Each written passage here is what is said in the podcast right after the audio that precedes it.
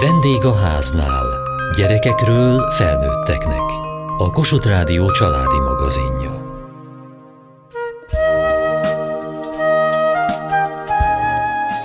Még sohasem voltam irodalomterápiás foglalkozáson, ezért izgatottan vártam a szegedi találkozást a terapeutákkal, akik gyerekeknek és szüleiknek tartanak csoportokat. Sajnos a titoktartás miatt felvételt nem készíthettem, de a résztvevők szívesen meséltek a tapasztalataikról. Az irodalomterápia nem különösebben ismert. Mi történik egy irodalomterápia foglalkozáson? Borka Csizmazi a kincső irodalomterapeuta. Az irodalomterápiás foglalkozások általában csoportfoglalkozások. Van, amikor egyéni terápiába is tudunk tartani, ajánljuk egészen a kisiskoláskortól az idősek otthonáig minden korosztálynak vannak speciális csoportok, vannak kollégák, akik a börtönben, kórházakban is tartanak ilyen foglalkozásokat. Három szegmensből tevődik össze ennek az irodalomterápiás foglalkozásnak az ereje, és ebből az egyik a csoport, és az irodalmi szöveg és a terapeuta is hozzáadja a saját részét. Nagyon sokféle terápiát ismerünk már, a művészetterápiákon belül ismerjük a rajzterápiát, a zeneterápiát, a mozgásterápiát. Miben más ez az irodalomterápia? a kiinduló pontunk egy irodalmi szöveg, ami tulajdonképpen a terapeuta választása, viszont a gyakorlatban szoktuk figyelni a csoport igényeit is, amikor összeállítjuk a tematikát. Hogyha valaki szeret olvasni, az előny, de nem elvárás. De azért el kell olvasni azt az irodalmi művet mindenkinek, nem?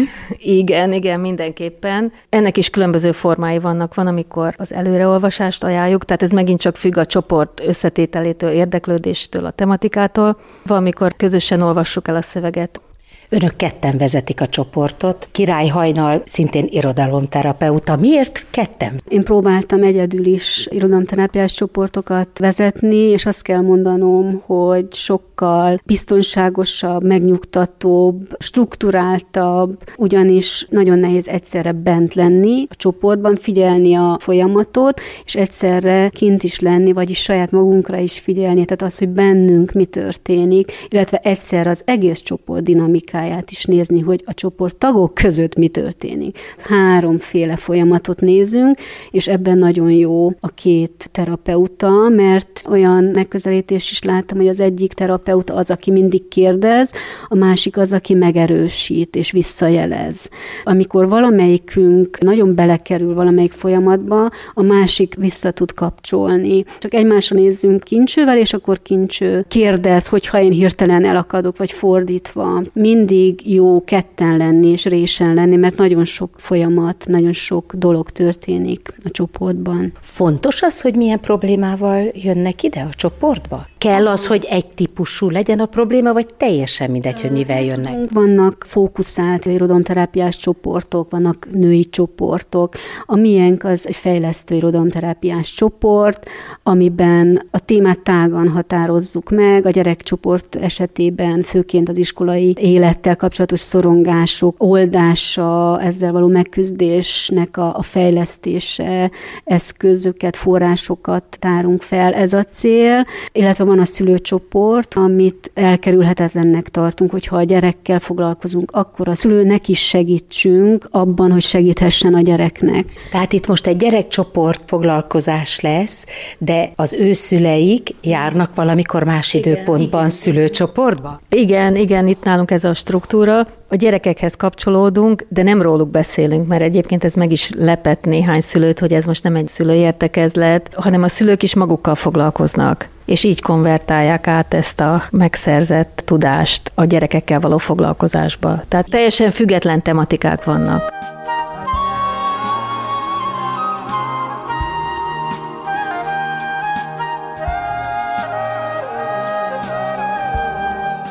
Őszóta jártok irodalomterápiára. Mi történik itt? főleg irodalmi művek vannak, amiről beszélgetünk, de nem a mű kapcsán, hanem inkább magunkról, az érzéseinkről. Például a témája barátság, akkor azt beszéljük, hogy nekünk milyen tapasztalataink vannak. Arról beszéltünk, hogy mi kell egy barátsághoz például, meg hogy nekünk milyen barátságaink vannak. Neked milyenek a barátságaid?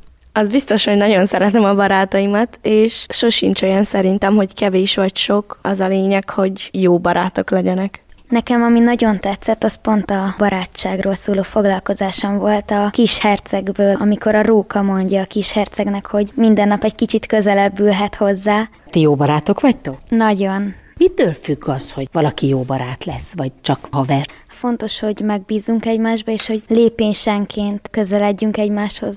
És mióta vagytok jó barátok? Régebb óta ismerjük egymást, de hogy közelebbi barátságot körülbelül egy éve. Neked mi volt az, ami érdekes volt? Sokat beszéltünk például az iskoláról, az ottani problémákról, stressz, hogy minden dolgozat jobban sikerüljön, a tanárok a gyerekekhez hogy viszonyulnak, hogy esetleg mi hozzájuk. Mert hogy hogy viszonyultak a tanárokhoz? Van olyan tanár, akit kifejezetten szeretünk, mert ő is úgy foglalkozik velünk, meg olyan témaköröket mond, ami minket érdekel, és persze vannak olyan tanárok, akiket kevésbé kedvelünk, esetleg a tantárgyat nem értjük, nem szeretjük. Vagy próbáljuk megérteni, és abban is segíthet a tanár, mert hogyha kedvesebb, akkor több kedvünk lesz hozzá. Például van olyan tantárgy, amit nem annyira értek, de szeretem, mert kedves a tanár. És akkor itt mi derült ki az irodalomterápián, hogy hogy kell viszonyulni az ilyen tanárhoz? Hát mindenképp nyitottam, mert mi se ismerjük annyira, vagy lehet, hogyha jobban megismernénk, és mi is úgy állnánk hozzá, akkor teljesen más lenne az egész, és esetleg meg szeretnénk a tanárt, meg ugye a tantárgyat is. És akkor azóta így álltok hozzá, és azóta megszerettétek már azt a tanárt? Van olyan tanár, akit igen, és segített nagyon sokat benne az irodalomterápia, de van olyan, akivel még mindig egy kicsit hadilában állunk. És mi van a stresszel? Mit tanultatok a stresszről? Hogy ha mondjuk egy konfliktus miatt alakul ki, akkor azt hogyan próbáljuk meg kezelni, hogyan álljunk hozzá, és senkinek se legyen rossz. És volt már olyan konfliktusod azóta, amit úgy tudták kezelni, ahogy itt tanultad? Igen, több is. Volt egy barátnőm, akivel összevesztünk valamin, és miatt hogy esténként nem éreztem teljesen jól magamat, és aztán közösen megbeszéltük, és találtunk egy olyan álláspontot, ami mindkettőnk számára elfogadható volt, és azóta is tök jóba vagyunk. Megoldódott ez az ügy. Ennyire jól hasznosítható az, amit itt tanultok? Igen, persze, mert főleg a mi érzéseinkről beszélünk, hogy tényleg mindenki elmondhatja Beszélünk a saját érzéseinkről is, és ahhoz a többiek is hozzászólhatnak, vagy esetleg elmondhatják róla a véleményüket, tudnak esetleg benne segíteni, meg a másik elmeséli az ő érzéseit, és akkor mi is elmondhatjuk, hogy mi róla a véleményünk, mi mit javaslunk. Miért jöttetek ide? Én egy nyári táborban jöttem először, egy hetes volt, nagyon megtetszett, és akkor anyukám mondta, hogy van ilyen szakkör, és elkezdtem járni. Anyukád is jár erre? Igen, ő is jár. Az én anyukám nem, mert ő később dolgozik, de egyébként nagyon szívesen járna, és nagyon támogatja az egészet. Segít ez neked valamiben? Beszélgettek arról, hogy mi szokott itt történni? Nem annyira, maximum ugyanúgy az érzéseinket mondjuk el mi is, mert például engem nem biztos, hogy érdekelne, hogy mivel foglalkoznak ők, és őt meg lehet, hogy nem biztos, amivel mi. Van valami változás a kapcsolatotokban? Mindig is jóba voltunk, szóval nem tudom, hogy lenne változás, de mondjuk az biztos, hogy én mindent elmondok nekik. És megértenek a szüleid? Nyilván van, amikor nem, de általában igen. Most ugye vége van a tanévnek, vége van az irodalomterápiának. Mi lesz ősszel? Szerintem újra jövünk ugyanígy, meg valószínűleg lesz most is nyári tábor. És akkor most mi lesz? Egészen felnőtt korotokig fogtok járni irodalomterápiára? Ahogy hozza az élet, mindenképp szeretnék minél tovább járni, én ezt nagyon szeretem, de természetesen, ha más az az élet, és máshogy alakul, akkor nem, de én mindig is emlékezni fogok rá, és én ezt nagyon szeretem, és szeretnék minél tovább járni rá. Volt olyan foglalkozás, ahol megnéztük, hogy a jövőben mi lenne, vagy hogy hogyan tovább, és lett egy plusz motivációm, hogy miért is érdemes tanulni, hogy egyetemre menjek, és hogy milyen életem legyen.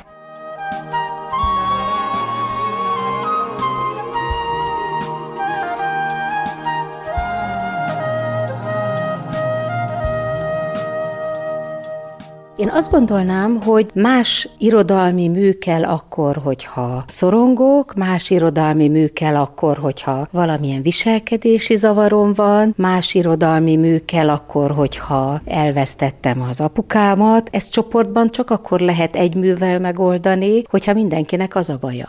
Borka Csizmazi a kincső és Király Hajnal irodalomterapeuták. Általában olyan műveket választunk, amihez mindenki tud kapcsolódni. Szerencsénk van, hogy ez egy hosszabb csoport folyamat. Az elején mindig egy fölméréssel kezdünk. Menet közben kiderül az érdeklődés, meg a probléma, és akkor általában ahhoz választjuk a tematikát is. Mi az általánosabb mű?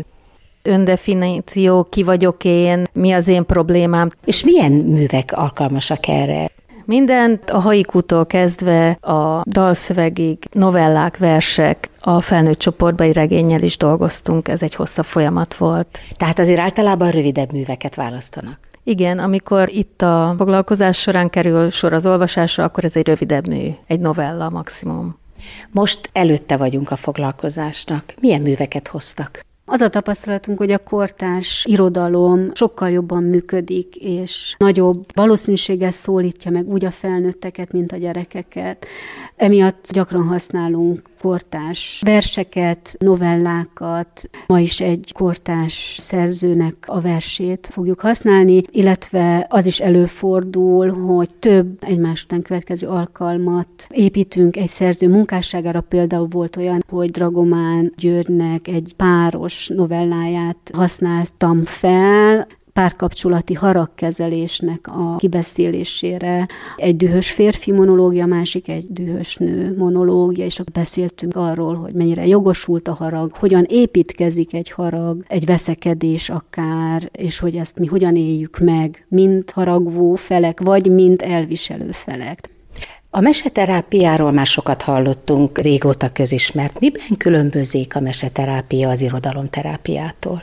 A meseterápia kialakított egységeken keresztül vezet egyre közelebb a meséhez, egyre közelebb önmagunkhoz. Ez egy picit más módszer. Ez nem jelenti azt, hogy mi nem használunk meséket, mert nekünk is főleg a gyerekcsoportokban gyakran kerülnek elő mesék, de hogy igazából mi máshogy közelítünk a szöveghez. Mi olyan kérdéseket teszünk föl, hogy mi ismerős, mi nagyon idegen, Sokszor dramatizáljuk, előadjuk a mesét, ez például egy mi általunk tapasztalt nagyon hatásos módszer, hogyha valahogy külső rálátást adunk a klienseknek, a csoporttagoknak. Nehéz összehasonlítani, azt talán valahogy egy kellemes, gyengéd módszer, itt meg mindenféle érzelem följöhet. Azt gondolnám, hogy gyerekeknek inkább meseterápia feküdne. Nem föltétlenül, meseterápiára járnak felnőttek is nagyon soknak, ez egy bevált módszere, de azt figyeltem meg, hogy nem mindenki, aki meseterápiára jár, találja fel magát egy irodalomterápiás csoportban. Viszont fordítva inkább működik, és az a feltételezésem ezzel kapcsolatban, hogy az irodalom mélyebbre lehúz, épp éppen az egyéni megélés, az autentikus fájdalom, történet megformáltsága által. Tehát azért az irodalomnak van egy nagyon sajátos megformáltsága, ami szintén kimozdít az idegenség által. Még azt is megmerném kockáztatni, hogy azt mondjam, hogy a mese inkább az ismerőssel dolgozik, az irodalom inkább az idegennel, a mássággal, az ismeretlennel, és ezzel is pont úgy tudunk bánni az irodalomterápiás foglalkozások idején, hogy erre építünk, hogy mi az, ami téged megérint, mi az, amiről nem akarsz, vagy nehéz beszélni. Tehát azzal érdemes foglalkozni, amiről nehéz beszélni, amiről könnyű, az a nem, azzal egy kávé mellett is el tudunk. A meseterápia kézen fog, és úgy vezet, az irodalomterápia meg a kor szerint gyerek vagy, de hogy felnőttnek tekint a saját érzelmeidet te magad munkálod meg. Amit még észrevettem, hogy az irodalomterápia azért egyre több van, egyre több szakember van belőle, de főleg felnőtt csoportok vannak. Gyerekcsoportot nem sokat találtam. Nehezebb gyerekekkel irodalomterápiát csinálni, vagy egyszerűen csak nincs rá igény? Nagyon sokan nem vállalnak be gyerekcsoportokat, kamaszcsoportokról beszélünk, tehát tíz év fölött kezd kialakulni az identitás, saját vélemény, az érzelmekre való reflexió, viszont elkezdődnek az ellenállási módok is, tehát mindenféle viselkedési megnyilvánulás felmerülhet, ezért nagyon sok kollega nehezen vállal gyerekcsoportokat.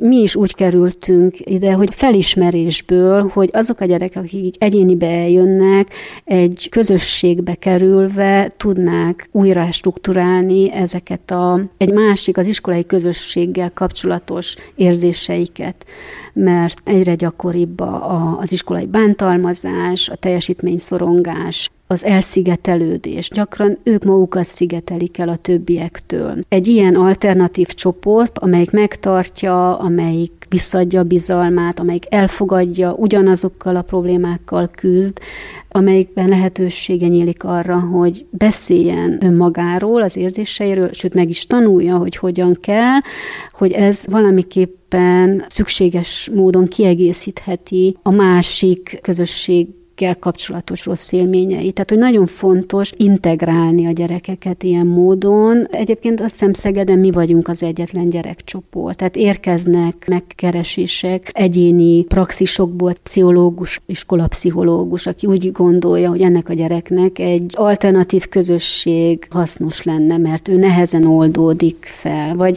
olyan gyerek is van a csoportban, akik már többször váltottak iskolát. Erre is egy jó alternatíva lehet egy ilyen csoport.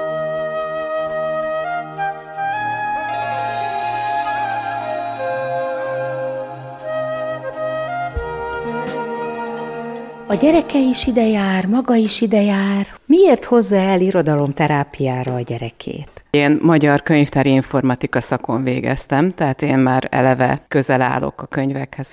Gondoltam, hogy hasznos lesz egy ilyen irodalomterápiás nyári táborba elhozni a nagyobb gyereket, ő akkor volt 13 éves, és úgy gondoltam, hogy egy kicsit reflektáljon önmagára, hogy tudatosabban tudjon magára nézni, ezért volt fontos számomra, hogy jöjjön egy ilyen táborba, és ez be is váltotta a hozzáfűzött reményeket. Nagyon sok jó feladat volt, dalszövegek, versek, vitte magával ezeket az élményeket. De hát aztán maga is elkezdett járni. Én most már jó pár éve járok meseterápiás csoportokba, és az irodalomterápia az egy új terület, és önismereti út szempontjából is fontosnak tartom, és azt gondolom, hogy az, amit az ember magán dolgozik, annyival kevesebbet kell majd a gyerekeinek talán küzdenie önmagukkal. Én hiszek ebben a transgenerációs tudásátadásban úgy is, mint verbális, mint cselekvéseken keresztül megnyilvánuló dologban, meg úgy is, ami láthatatlan módon megy végbe, hogyha én valamit megküzdök, akkor az már azt gondolom, hogy nekik egy kicsit könnyebb lesz. Gondolok családi kapcsolatokra, családi traumákra, például nálunk a családban volt vállás, ez nekem egy nehéz helyzet volt. Gyászmunkában nagyon-nagyon sokat segített, és itt nem csak elveszett hozzátartozókra gondolok, hanem munkával kapcsolatos gyászszituációkra, és ebben nagyon-nagyon sokat tud segíteni egy ilyen csoport, és nagy a megtartó ereje. Tehát ha az ember semmi mást nem csinál, csak egy ilyen csoportba jár, már annak is azt gondolom, hogy nagyon nagy haszna van. És hát a mi kapcsolatunkban tényleg cinkosságként ivódott be, hogy valami, amiben már mind a ketten benne voltunk. Be lehet ezt valahogy az iskolába csempészni? Mivel magyar tanár is vagyok, meg könyvtáros tanár, mindenképpen a könyvtárban, magyar órákon ennek helye van, de szinte bármilyen tantárgyba becsempészhető, az irodalom az mindenütt megjelenik, és akár még a biológia tanításba is. És a gyerek? Hát biztosan beviszi. A beszéde megváltozik, a szó kincse bővül, a gondolkodás módja változik, a másokhoz való viszonyulása. Tehát itt azért a csoportban sok furcsaságot is látnak, és ennek az elfogadása, ez egy külön feladat, mindazzal együtt, hogy érzi a saját érzékenységét és határait is. Járnak-e apukák? Egyszer volt egy apuka, nagyon örültünk neki, és nagyon jót tett az a más szemszög a csoportnak, viszont a női csoportnak meg egy olyan ereje van, ami hát elmondhatatlan.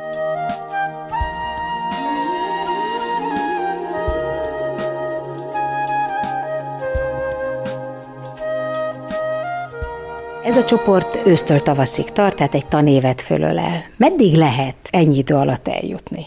Borka Csizmazia kincső és Király Hajnal irodalomterapeuták. Ennek a módszernek az a specifikuma, hogyha tényleg beleadja magát a kliens, akkor egyre mélyebbre jutunk. És saját magamról tudom, hogy ennek soha nincsen vége. És elégedettek vagyunk, mert hogy ez a cél, ez az út, és tulajdonképpen az elégedettséget az adja, hogy szívesen jönnek, és egyre mélyebb megnyilvánulásaik vannak. Mennyire van a gyerekeknek szüksége a szülői támogatásra? Meg kell ezt beszélni, vagy nincs erre szükség? Bátorítjuk őket, hogy beszéljenek a gyerekek szövegeiről. A saját élményről lehet beszélni. A többi csoporttag megosztásairól, megéléseiről nem Ez egy sarkalatos szabály, pont ez a bizalom az, ami biztosítja azt, hogy ezek a gyerekek megnyíljanak és vállalják az érzéseiket a csoportban. A csoport neve Sóder Party. Miért ezt a nevet adták? A Sóder Parti a Létra projekt keretében működik, és a Létra projekt a szegedi rászoruló családoknak nyújt terápiát, segítő beszélgetést, és együttműködünk a szegedi gyermekpszichiátriával, a családsegítő szolgálattal is. Biztosan sokaknak ismerős a svéd gyerekversekből a Szív Widerberinek a Sóder Party című verse, ami tulajdonképpen arról szól, hogy lennie kell egy olyan helyzetnek, a héten, amikor megoszthatjuk kötetlenül az érzelmeinket, a gondolatainkat, és ez a helyszín, ez a terep lehet a család, de lehet egy másik közösség is. Tehát, hogy a családi együttlét, a közös étkezés a kerete ennek a kibeszélésnek, ami annyira fontos. Viszont azzal zárul ez a vers, hogy nálunk csak közönséges vacsora van, és hogy ezt a hiányt akarjuk megnyitni, vagy erre válaszolunk, amikor egy olyan csoportot, egy olyan lehetőséget teremtünk, hogy mindenki kibeszélje, mindenki elmondja, ami a szívét nyomja. És a tapasztalat az, hogyha ezt itt biztonságos közegben megélhetik, akkor kimenve a világba sikerül nekik megosztani az érzéseiket, gondolataikat, vállalni önmagukat. Ezáltal nyitottabbak lesznek.